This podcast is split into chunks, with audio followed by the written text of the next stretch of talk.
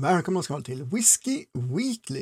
I det här avsnittet så snackar vi Smögen med ingen mindre än herr Smögen själv, Per Kaldenby. Och så tar vi oss äntligen en närmare titt på Klackstons, den här oberoende buteljeraren som vi tidigare inte har druckit så mycket av. Så ja, det ska bli riktigt skoj. Häng med oss ut än en gång på mässgolvet i Linköping.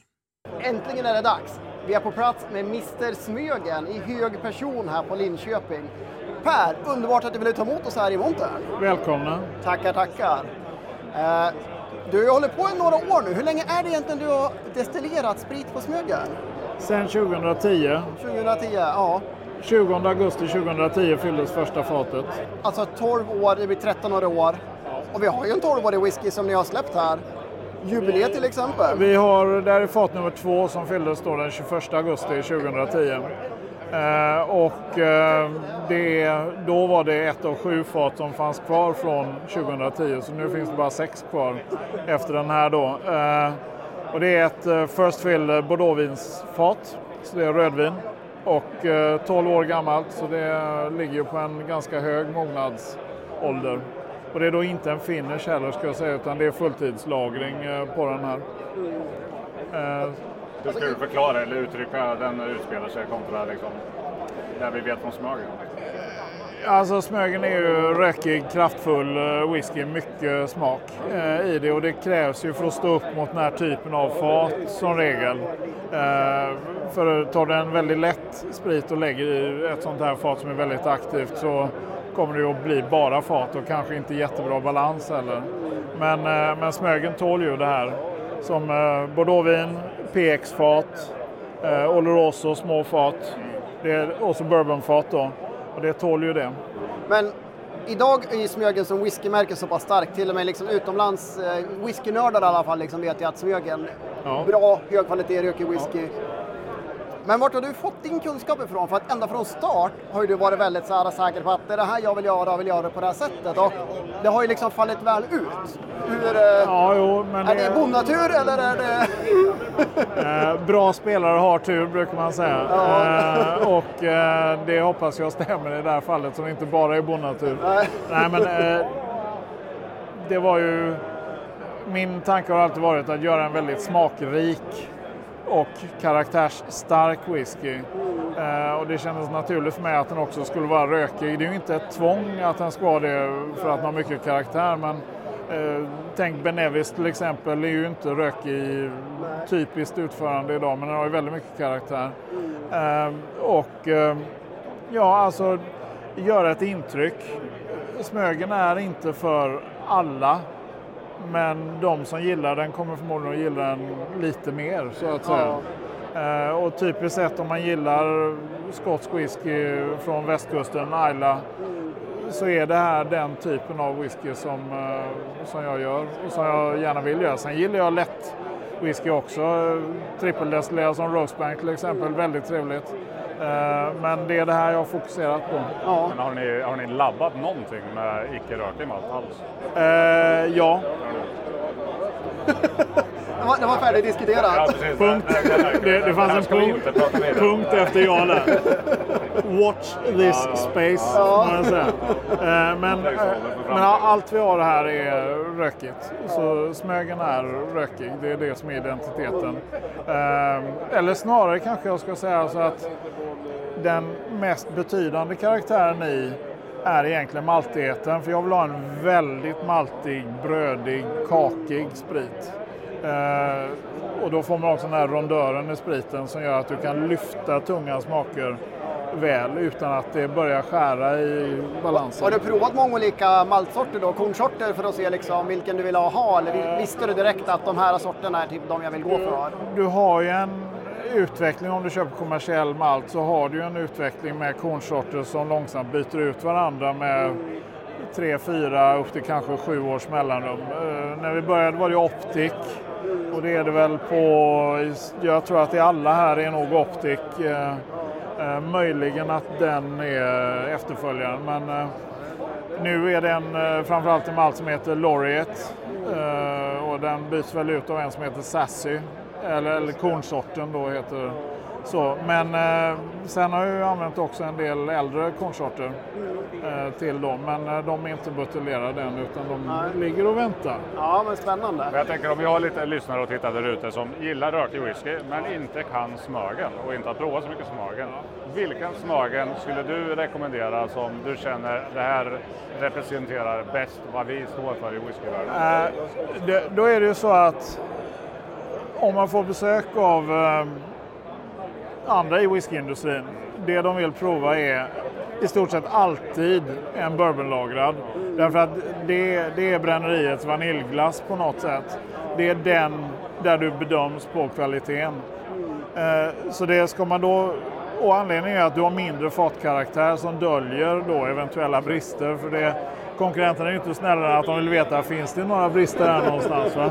Eh, och då är det ju en bourbonlagrad, gärna refill. Nu är det First Fill Bourbon då, nio år gammal, eh, 90 proof som den heter. Men, Precis, eh, den har 90 proof. Och den eh, är en kontinuerlig batchutgåva, är det tanken? Ja, eller? det här är batch nummer två eh, som då återlanseras efter en liten glitch i Systembolagets system under januari.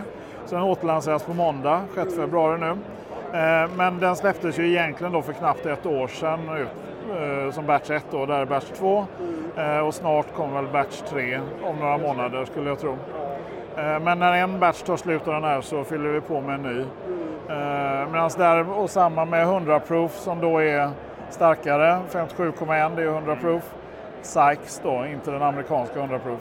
Eh, där är ju Oloroso Quarter Casks. Den är sex år gammal, även om whisky 9 faktiskt är sju. Men eh, det går ju att ange fel åt det hållet. Eh, där har ju mycket fatkaraktär för det är små sherryfat. Men där döljer ju fatkaraktären lite grann då av eh, destilleri, eller ja, destillatkaraktären som ju är tydligare här. Ja, nej, det blir lite mer av spritsmaken, alltså den Ja, signaturen i och, och rökigheten blir ju tydligare här och även maltigheten då. För ju mer fat du lägger på, desto mer döljer det annat också. Men vi pratar ju i alla fall ibland ganska återkommande om att ja, men nu är det en hogshead och det brukar vara si och så många liter, va? en 200-250 liter. Ja, 250 fast den har lite plus minus 10 procent i stort sett. Eh, men när du säger, för att många ser dig som en ofelbar källa av information, inte minst dig själv har jag hört. men eh, Sherry Quarter Cask, vad, vad är då fjärdedelen? Vad, vad är helt Fjärdedelen är av en batt och en batt är runt 500 liter. Då. Eh, Vilket i och för sig som sherryfat så är det också ett nedbyggt fat faktiskt. För riktiga bodega sherryfat är på runt 600 liter. Så även de här 500 liters faten, det var de man transporterade sherry i en gång i tiden. Från 600 liters faten fulla väger runt ett ton. Eh, 500 liters faten väger ett par hundra kilo mindre. Eh, lättare att hantera, eller ja, lättare. Eh, men de är inte sådana totala elefanter som Gorda-faten på 600 liter men det är en batt som är grunden. Halverar du den så har du en hogshead som då är runt 250. Halverar du den igen då har du kortkasken på runt 125. Halverar du den så har du då på 60 liter har du en Octave. Eh, Ja, Kul! Men Smögen 90 proof. Ska man prova en Smögen så säger Per, då är det den vi ska testa. Ja, det är där man ska börja i alla fall. ja.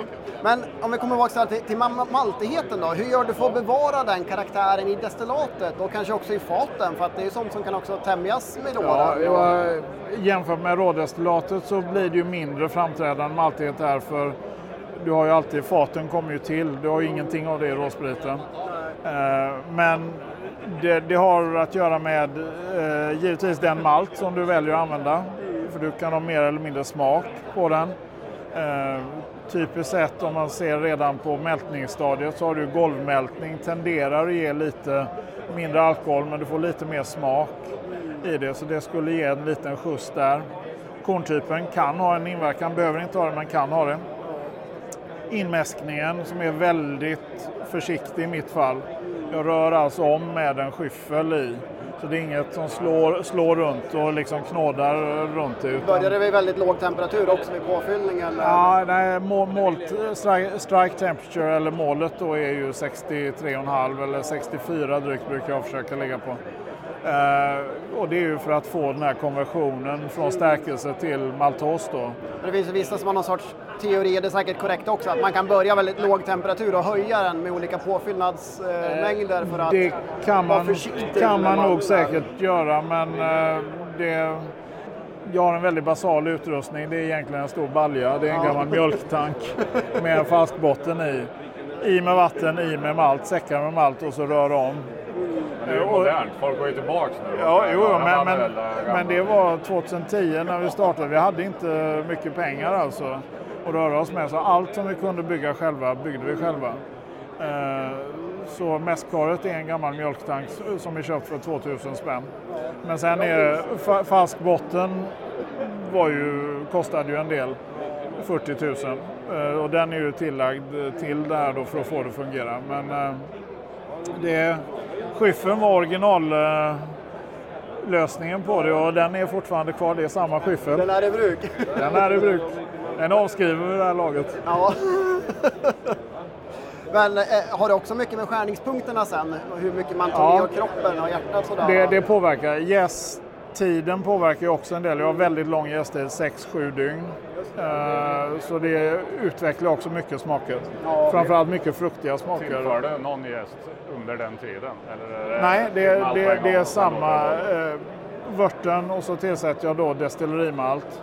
Så gästen i sig tillför inte så mycket karaktär som om man hade använt en vingäst eller alegäst till exempel. Eh, men jag vill ju åt maltigheten snarare än de här gästderiverade tonerna. Som i och för sig kan vara bra men jag vill ha maltigheten tydlig och klar. Och sen i alltid skärningspunkterna påverkar ju vad du skär ut i hjärtat. Det är ju liksom viktigt.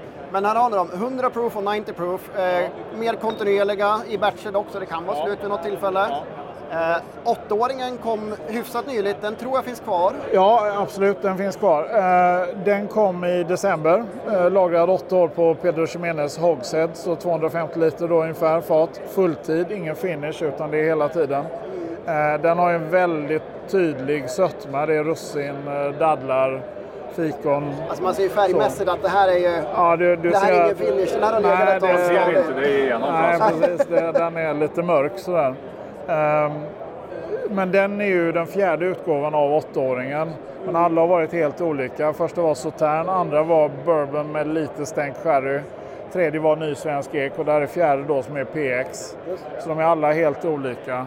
Ehm, och gillar man sherrylagrat så är det här är liksom, du får inte mer sherrylagrat än, än så här. Men, men om man jämför då mot den här som också är sherrylagrad fullt ut men i quarterfat då, hälften så stora.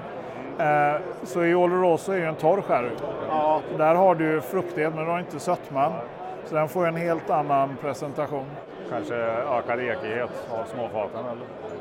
Ja, eh, här är ju då blandat europeisk och amerikansk ek. Medan det här är bara amerikansk ek i dem då. Så det är ju en hel del vaniljtoner även i den här då. Medan här är lite mer krydda från europeisk ek också. vad föredrar du? Amerikansk eller europeisk ek generellt sådär och lagrat? Det beror lite på vad man vill åstadkomma men eh, det, det vanliga är ju amerikansk ek och det, om man ser över hela whiskyindustrin så är väl det ett klokt val. Därför att all, all whiskydestillat funkar i amerikansk ek och funkar bra i det. Men med europeisk ek så får du mer krydda och mer tyngd i. Så har man då ett tyngre destillat som jag har så funkar det bra men det kan gå för långt även där. Så till exempel våra småfat på 30 liter, där har jag ju aldrig erbjudit ny svensk ek. För jag tycker att risken är för stor att det blir för mycket. Ja, men, eh, jättekul att du Ja. ville vara med och hoppas att Toppen. ni som tittar och lyssnar också tyckte det här var ett spännande inslag här från Jag har lärt dig Linköping. mycket. Jag har lärt mig massor, bara jag. Toppen, tackar tackar. Tackar, tackar. Ja, Ian eh, minns ju saker ibland. Jag vet. Ibland Nu minns han när vi kom till Älvvatten, här, Clackstones. Vi snackar om det väldigt mycket och vi säger det att vi har inte provat så himla mycket Clackstones egentligen, så det är svårt ibland att veta vad man ska rekommendera. Men nu står vi här, ni som tittar ser att vi har helt, helt batteri med Clackstones här bredvid oss och bakom oss. Och så även i Grat. Ja, nu när, vi, nu när vi står här så inser jag att eh, jag har ju faktiskt druckit Claxtons fast jag inte vet om den. Så, utan den här som heter Grain Barn köpte jag ju faktiskt och körde på en provning. Så att eh, mer bevandrad än vad man visste själv, det är ju alltid intressant. Ja, och eh, hur föll det ut med just Grainborn? För det är en intressant 30-årig grain till, eh, om jag minns det rätt, en ganska överkomlig penning. Ja, men jag tror det var runt 1400 kronor. Det är ju det som jag tycker är så magiskt bra med gammal grain whisky till Ja. bråkdelen av ett pris som single malt har. Liksom. Så, säg en 30-årig single malt, vad pratar vi då? Det är, det är femsiffrigt till att börja med. Ja, liksom. ja, det är helt Det är horribelt. 1400 kronor, så det är ju guld värt. Liksom. Men kul att prova. Vi har ju två Claxtons i glaset här nu. Den Mm. ena är ju en, eh, nu hittar ni inte ens, en eh, Ben Nevis, Där står den. 23-årig. Där har vi den. Ta fram den. Och Ben Nevis är ju ett, eh, ja men det är väl ett relativt diskret eh, destilleri sådär. Alltså vi, vi har provat någon tror jag på alla de här åren vi har kört och mer än så är det ju inte. Utan, eh, det kommer inte till Sverige så ofta utan det är de här independent buteljeringarna vi, vi pratar om helt enkelt. Ja. Men 23-årig, eh, det var ju en eh, sherry butt, tror jag det var, eller en sherry hogshead eller liknande. Måste vara någon lite torrare sherry. Mm. Men eh, hörru du Daniel, det var ju inte helt oangenämt här. Det måste jag ändå Nej, det var inte det. Nej, men alltså Ben Nevis, de, de jag har druckit, eh, det, det är några stycken genom åren, men inte jättemånga. Eh, ett 10-20-tal på sin höjd, antagligen närmare 10 än 20. Alla de kommer jag ihåg som de har varit väldigt bra, speciellt när det är lite ålder, alltså 18 plus sådär. Riktigt, riktigt trevlig whisky brukar det vara. Så det här är ju... Ja, det är nästan gissat. Skulle jag få gissa på den här så skulle jag tro att det var lite bourbon-influerad med, för den är väldigt smörig, väldigt trevlig. Ja. Nu vet Ja, jag faktiskt inte kul. vad den här kostar. Står det där på flaskan?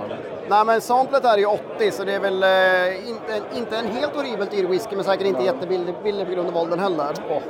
Eh, men jag är då en 23-årig whisky från Speyside-regionen och Speyside Distillery. Bayside Distillery. Eh, en Cherry Butt och eh, 57 procent. Den här är ju faktiskt väldigt, den här är elegant också. Speyside Distillery är ett sånt destilleri som jag kanske druckit ett väldigt enkelräknat antal av förut. Men du, det låter ju alldeles för gott för dig, så jag tar den här så kan du prova den här lite. Den, den är faktiskt väldigt god. Det är såklart, det, det är butt. Det står inte vilken sherry det är, men jag skulle tro att det är en, eh, ja, alltså Det är lite torrare sherry än här. Det är inte PX liksom, Oloroso-aktigt. Ja, jag skulle tro att det är en Oloroso. Eh, men väldigt god. Inte en sherrybomb, utan den har, den har åldrats med värdigheten där. Eh, så nu ska, nu ska jag smaka på din eh, Ben Nevis här och se om eh, två av två får godkänt på, på Nu, nu är det förstås så här, nu, nu provar vi kanske två av de lite, fi, lite finare i utbudet här och så är det klart att, eh, jag vet inte om det är representativt, men det här Mm. för det priset, en independent bottling, det här är ju oerhört hög kvalitet förstås. Ja. Alltså det är ju, ja, jag, jag kan ju säga, jag kommer ju prata mer gott om Claxons nu när jag provar mer än vad man har vetat om innan om man bara testar ett par stycken. Liksom. Men det här Ja, men ju, definitivt. Och, det är ju eh, magiskt bra. Liksom. Här- tog vi lite på måfå, men även det vi tänkte att ja, men Ben Nevis brukar vara bra. Space Distillery var mer för mig, ja men en kul sak. Kan de få bra fat därifrån också? Det borgar ju ändå för att överlag att det ska vara en ganska bra kvalitet och att eh, vi båda gillar urvalet de har gjort. Ja. Ja, men den här Speyside Distillery som du valde här, den är, det är lite mildare, lite mer typisk kanske Speyside whisky. Men Mm. bara kvaliteten på den här med, med estrarna, smöriga tonerna, lite, Ja. lite blommighet i den. det är ju- Nej men fantastiskt. Ja. Men eh, sagt den här Ben Nevisen, den, är, den har ju så mycket karaktär. Ganska esterrik också, så lite så smörig nästan i, i, i eh, sena smakerna som gjorde den här väldigt god också. Ja, jag är nöjd Ian, är du nöjd? Jag tycker nöjd eh, uttrycker inte riktigt vad jag känner just nu utan det är någonstans mellan eh, sjunde och åttonde molnet där uppe i himlen känner jag. Jag, jag, trodde, jag trodde Fantastiskt. inte östgötar kunde bli mer än nöjda. Men, eh, Ja men man. Alltså, det var ju tur Ja. vi stannar. Fantastico. Skål på er!